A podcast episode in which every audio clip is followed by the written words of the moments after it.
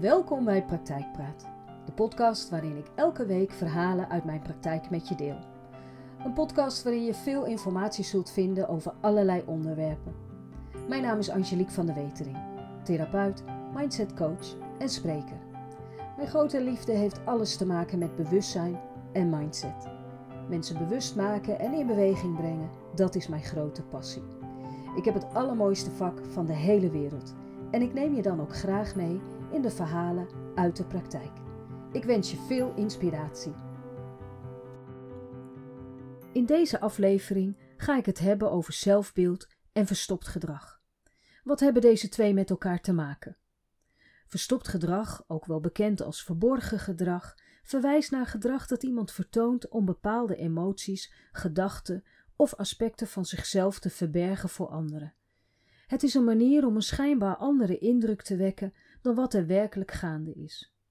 En dit gedrag kan voortkomen uit verschillende redenen, zoals schaamte, angst voor afwijzing en het willen voldoen aan sociale normen, of het beschermen van zichzelf tegen mogelijke negatieve consequenties. En zelfbeeld verwijst naar de perceptie, gedachten en gevoelens die je over jezelf hebt. Het heeft betrekking op hoe je jezelf ziet, je eigen waarde en je overtuigingen over je kwaliteiten, vaardigheden en persoonlijkheid. Een positief zelfbeeld laat zien dat je jezelf waardeert, trots bent op wie je bent en vertrouwen hebt in je eigen capaciteiten. Een negatief zelfbeeld kan leiden tot gevoelens van onzekerheid, zelftwijfel en een lage eigenwaarde. Het zelfbeeld kan worden beïnvloed door verschillende factoren, zoals ervaringen die je in het verleden hebt opgedaan, ook sociale interacties, culturele invloeden en persoonlijke prestaties. Negatieve ervaringen zoals kritiek, pesten of traumatische gebeurtenissen kunnen het zelfbeeld beïnvloeden. En daarentegen kunnen positieve ervaringen, steun van anderen en het behalen van persoonlijke doelen het zelfbeeld versterken. Het is wel belangrijk om een realistisch zelfbeeld te hebben, waarbij je zowel je sterke punten als je zwakke punten erkent. Niemand is perfect en het is normaal om gebieden te hebben waarin je nog kunt groeien. Het is ook belangrijk om jezelf te accepteren zoals je bent. Als je merkt dat je zelfbeeld negatief beïnvloed wordt en je dagelijks functioneren belemmert, dan kan het nuttig zijn om professionele hulp te zoeken bij een therapeut of coach. Zij kunnen je helpen bij het verkennen en versterken van je zelfbeeld. Zo kreeg ik een mail met een bijzondere hulpvraag. Het is half acht wanneer ik de sleutel van de praktijk omdraai. Eerst even koffie en de mail checken. De mail van Elise springt daaruit. Het is vooral het onderwerp dat mij triggert. Mijn beste vriendin heeft een probleem, niet ik. Geboeid lees ik haar mail, waarin me gelijk een aantal woorden opvallen.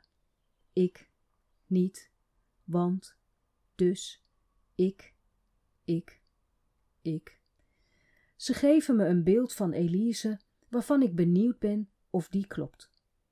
En door de wachtlijst zitten Elise en haar beste vriendin later tegenover mij dan ik had gewild. Twee paar nieuwsgierige ogen kijken mij aan.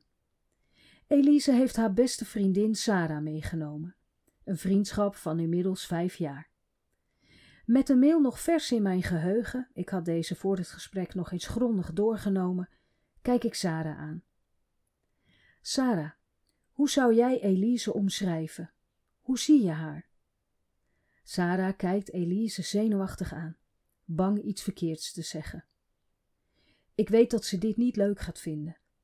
We hebben het er al vaak over gehad en veel discussies gehad. Ze ziet het niet en houdt stevig vast aan het beeld wat ze van zichzelf heeft. Ik knik. Voor je verder gaat, Sarah, wil ik jou wat vragen, Elise.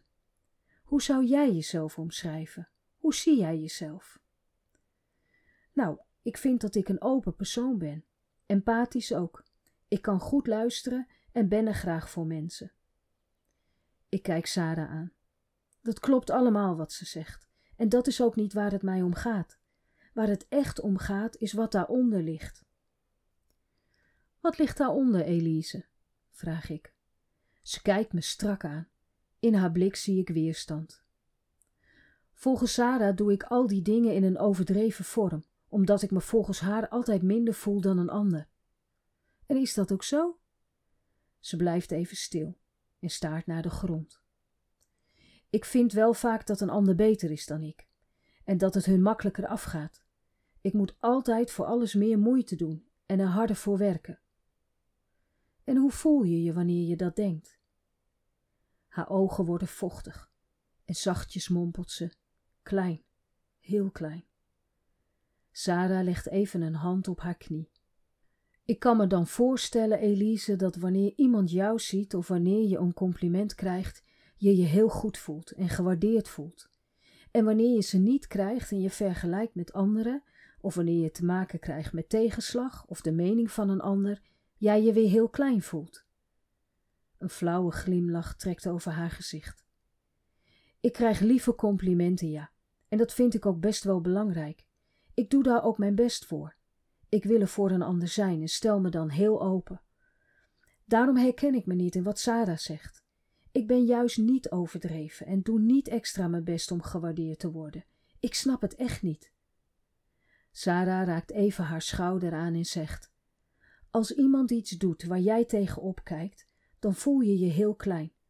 En ik zie dan dat je heel erg je best gaat doen om te laten weten dat jij ook iets kan. Je kunt dan in gesprekken onderwerpen naar je toe trekken om te laten weten wat je allemaal doet en bereikt hebt. En wanneer, wanneer daarop in wordt gegaan en je waardering voelt, dan ga je met een goed gevoel verder. Maar wanneer er geen aandacht aan wordt besteed en het gesprek verder gaat en dan niet over jou, zie ik je onzeker worden. En ik weet dat je jezelf dan in je eigen hoofd volledig naar beneden haalt. Jij bent diegene die zichzelf klein maakt en houdt. Er rollen tranen over Elise haar wangen en Sarah is zichtbaar geraakt door het verdriet van haar beste vriendin. Sorry, lieverd, ik wil je niet kwetsen. Elise, vind je het belangrijk wat mensen van je vinden? En vind je het belangrijk dat anderen vinden dat je het goed doet? Is het voor jou belangrijk door een ander gezien te worden? Ze knikt en zegt: Ja, natuurlijk, voor wie niet? Maar ik ben juist niet iemand die naar complimenten vist, en ben ook niet iemand die in de belangstelling wil staan. Ik wil juist dat het om een ander gaat. Sarah schudt haar hoofd en zegt: Je ziet zelf niet wat je doet, anderen wel. En wanneer je dat verteld wordt, dan reageer je vol ongeloof en voel je je aangevallen, omdat je jezelf niet zo ziet. Elise kijkt Sarah geïrriteerd aan. Maar ik ben ook niet zo. Ik raak even Elise haar hand aan en zeg: Wanneer je je omgeving nodig hebt om je te laten weten wie je bent en of je het wel goed doet, dan ken je alleen de persoon die zij zeggen dat je bent. Je kent dan alleen de persoon die zich daarnaar gedraagt en dan ken je jezelf niet. Want wie ben jij? En wanneer je iets teruggespiegeld krijgt van mensen die om je geven, dan kan het zijn dat wat zij aangeven jij niet herkent. We raken zo gewend aan ons eigen gedrag en overtuigingen over onszelf dat het onszelf niet opvalt. We zien het niet. En wat je niet ziet, dat is er niet. En pas wanneer je in je eigen spiegel kijkt, zonder jezelf naar beneden te slaan, kun je onderzoeken wat je ziet. Pas dan kun je zien wat er werkelijk is. Ze blijft stil en is volledig in gevecht met haarzelf. Lieverd, wanneer je iets niet kunt zien, wil het niet zeggen dat het er niet is. Kijk, iedereen kan een mening over jou hebben, een beeld. En van de meeste daarvan is het de bedoeling dat je ze naast je neerlegt. Alleen wanneer er mensen zijn die om je geven en zien wat je doet en hoe je jezelf neerhaalt, dan doe je er goed aan te onderzoeken wat maakt dat zij het wel zien en jij niet. Weet je wat hier vaak onder ligt? Angst. De angst niet goed genoeg te zijn, iets niet te kunnen, falen, maar ook de angst om voor jezelf te gaan staan. Want wanneer jij werkelijk een open persoon bent, die empathisch is, goed kan luisteren en mensen graag helpt, dan hoef je niets en niemand daarvan te overtuigen. En of een ander dat nou gelooft of niet, dat is helemaal niet belangrijk. Zolang jij maar weet dat het zo is en daarna handelt.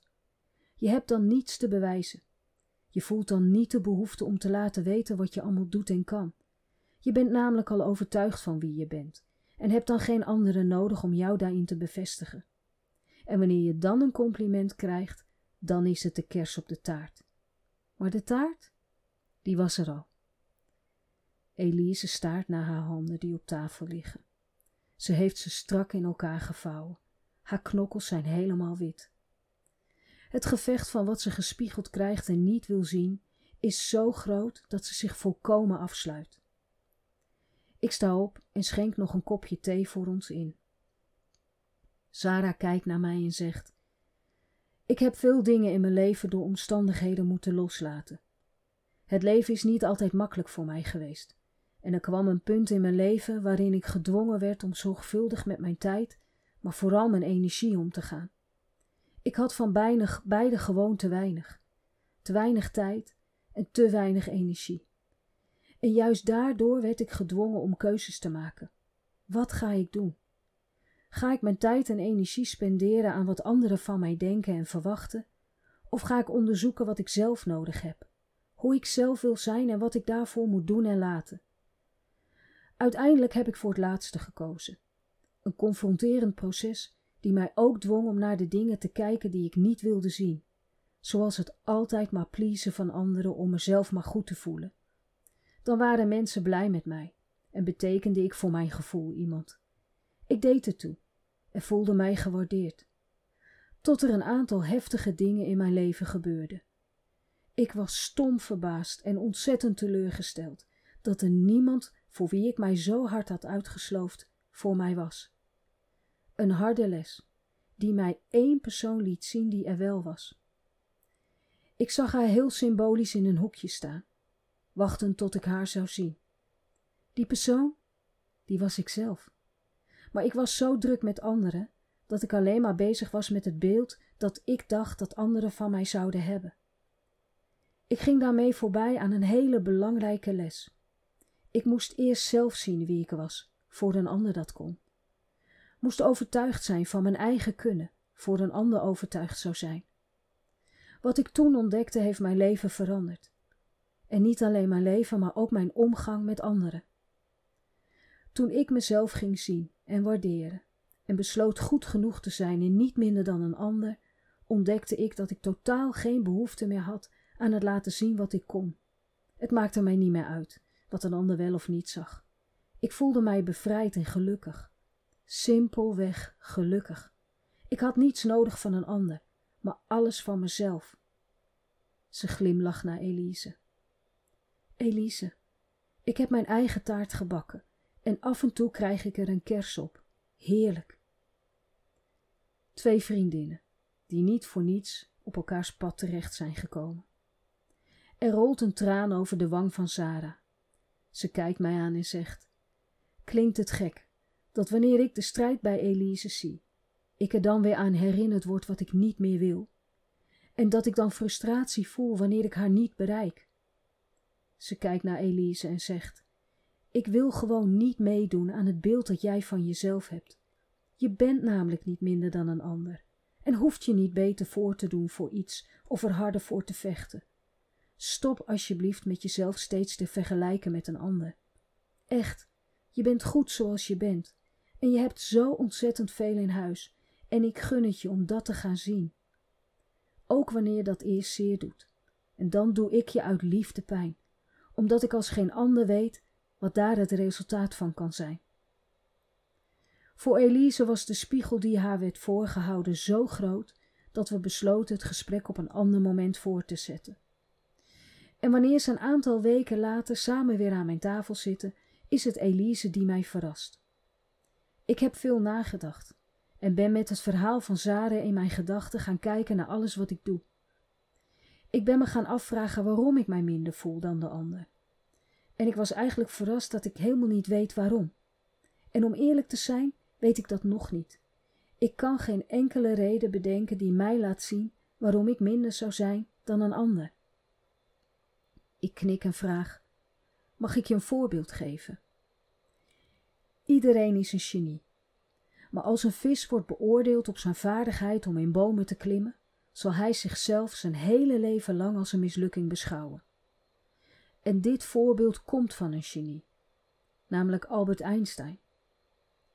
Lieverd, vergelijk je met jezelf. Kijk naar de groei en ontwikkeling. Pas dan kun je zien dat je goed genoeg bent en je wel degelijk ontwikkelt en dingen kunt. Maar ook dan pas kun je echt openstaan voor een ander. Want wanneer je niet kunt openstaan voor jezelf en niet open kunt staan voor je eigen proces, hoe ga je dat dan doen voor een ander? Want zodra een ander jou spiegelt in jouw pijn, ga je onmiddellijk in de weerstand en kun je niet meer openstaan. Wanneer er in je zelfbeeld negatieve overtuigingen verstopt zitten, zullen deze ongemerkt je gedrag beïnvloeden. En vaak zonder dat je dat zelf ziet. Verstopt gedrag. Verstopt gedrag verwijst naar gedragingen waarbij iemand probeert zich te verbergen of zich terug te trekken, vaak uit angst, schaamte, onzekerheid of andere negatieve emoties. En dit gedrag kan zichtbaar zijn in verschillende aspecten van iemands leven, zoals sociale interacties, werkprestaties of zelfs persoonlijke relaties. Verstopt gedrag kan verschillende vormen aannemen, afhankelijk van de persoon en de specifieke situatie. Het kan leiden tot problemen in verschillende situaties van iemands leven. En het kan leiden tot gevoelens van isolatie, gemiste kansen en een negatief impact hebben op het welzijn van een persoon. Nou kan het herkennen van verstopt gedrag soms lastig zijn, omdat het vaak subtiele gedragspatronen zijn die diep geworteld zijn in iemands persoonlijkheid. Nou zijn er een aantal gedragingen die kunnen wijzen op verstopt gedrag. Ik zal er vijf omschrijven. Eén daarvan is het vermijden van bepaalde situaties. Als iemand regelmatig bepaalde situaties vermijdt waarvan ze denken dat ze angst, ongemak of stress kunnen veroorzaken, dan kan dit wijzen op verstopt gedrag. Bijvoorbeeld het vermijden van uitdagingen op het werk, veel weerstand voelen bij nieuwe taken of het vermijden van confrontaties. Terughoudendheid en stilte. Personen die verstopt gedrag vertonen kunnen geneigd zijn om zich terug te trekken uit sociale interacties. Ze zijn mogelijk stil, praten niet veel over hunzelf, delen meningen of gevoelens niet gemakkelijk en vermijden diepgaande gesprekken. Maar andersom kan juist ook het graag willen praten over zichzelf en laten zien wat er allemaal al bereikt is. Maar ook gebrek aan initiatief. Mensen met verstopt gedrag kunnen moeite hebben om zelf actie te ondernemen of initiatief te tonen. En ze kunnen wachten tot anderen hen benaderen of beslissingen voor hen nemen, uit angst om fouten te maken of negatieve reacties te ontvangen. Zelfkritiek en perfectionisme. Iemand kan een neiging tot overmatig zelfkritiek hebben en streven naar perfectie. Dit kunnen eveneens tekenen zijn van verstopt gedrag. Mensen kunnen zichzelf voortdurend bekritiseren en vergelijken met anderen en kunnen bang zijn om fouten te maken. En hiermee zetten ze zichzelf onder druk om aan de verwachting te voldoen waarvan zij zelf denken dat de ander het heeft. Maar ook vermijding van confrontaties. Mensen met verstopt gedrag hebben vaak moeite met het aangaan van conflicten en confrontaties. Ze kunnen situaties vermijden waarin meningsverschillen of confrontaties kunnen ontstaan, uit angst voor een negatieve reactie of afwijzing. Nou is het wel belangrijk te weten dat deze tekenen op zich geen definitieve indicaties zijn van verstopt gedrag. We herkennen vast allemaal wel iets uit deze vijf gedragsuitingen. Wanneer je je eigen gedrag wilt onderzoeken, zijn er verschillende stappen die je kunt nemen om meer inzicht te krijgen in je gedragspatronen en de mogelijke oorzaken hiervan. Eén daarvan is zelfreflectie. Neem de tijd om naar binnen te kijken en je bewust te worden van je gedrag. Stel jezelf vragen zoals: welke situaties vermijd ik? Waar voel ik me ongemakkelijk bij?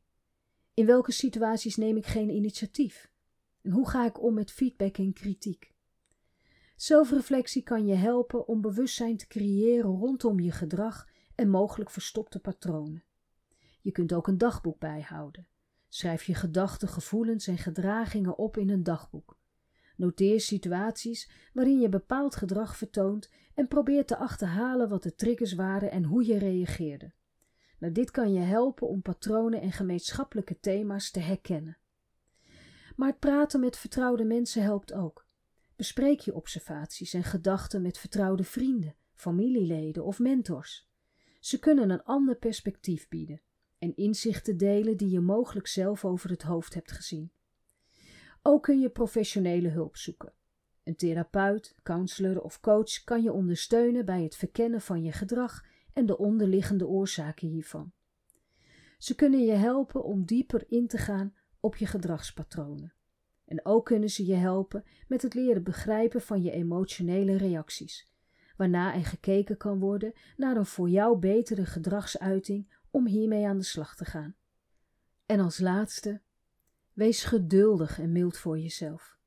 Het verkennen van verstopt gedrag kan een uitdagend proces zijn. Wees geduldig en begripvol voor jezelf terwijl je deze reis onderneemt.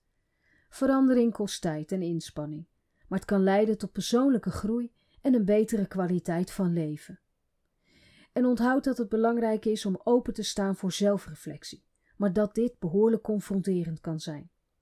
Door je bewust te worden van je verstopte gedrag en stappen te zetten om hiermee om te gaan, kun je positieve veranderingen in gang zetten. En dit laatste zal menig zelfbeeld goed doen. Dit was weer een aflevering van Praktijkpraat. Mocht je vragen hebben over verstopt gedrag, dan kun je die mailen naar info apenstaartje angeliekvandewetering.nl Tot de volgende keer. Dank je wel voor het luisteren en pas goed op jezelf. Wat fijn dat je weer luisterde naar een aflevering van Praktijkpraat. Dank je wel. Heb je naar aanleiding van deze podcast vragen, opmerkingen of suggesties? Mail dit dan. En dat kan naar info apenstaartje angeliekvandewetering.nl En wanneer je denkt dat deze podcast interessant zou kunnen zijn voor iemand die je kent, dan zou het super zijn wanneer je de podcastaflevering doorstuurt. Nog even een vraag van mij. Vergeet niet te volgen, dan mis je geen aflevering meer. Nogmaals, dankjewel voor het luisteren en heel graag tot een volgende keer.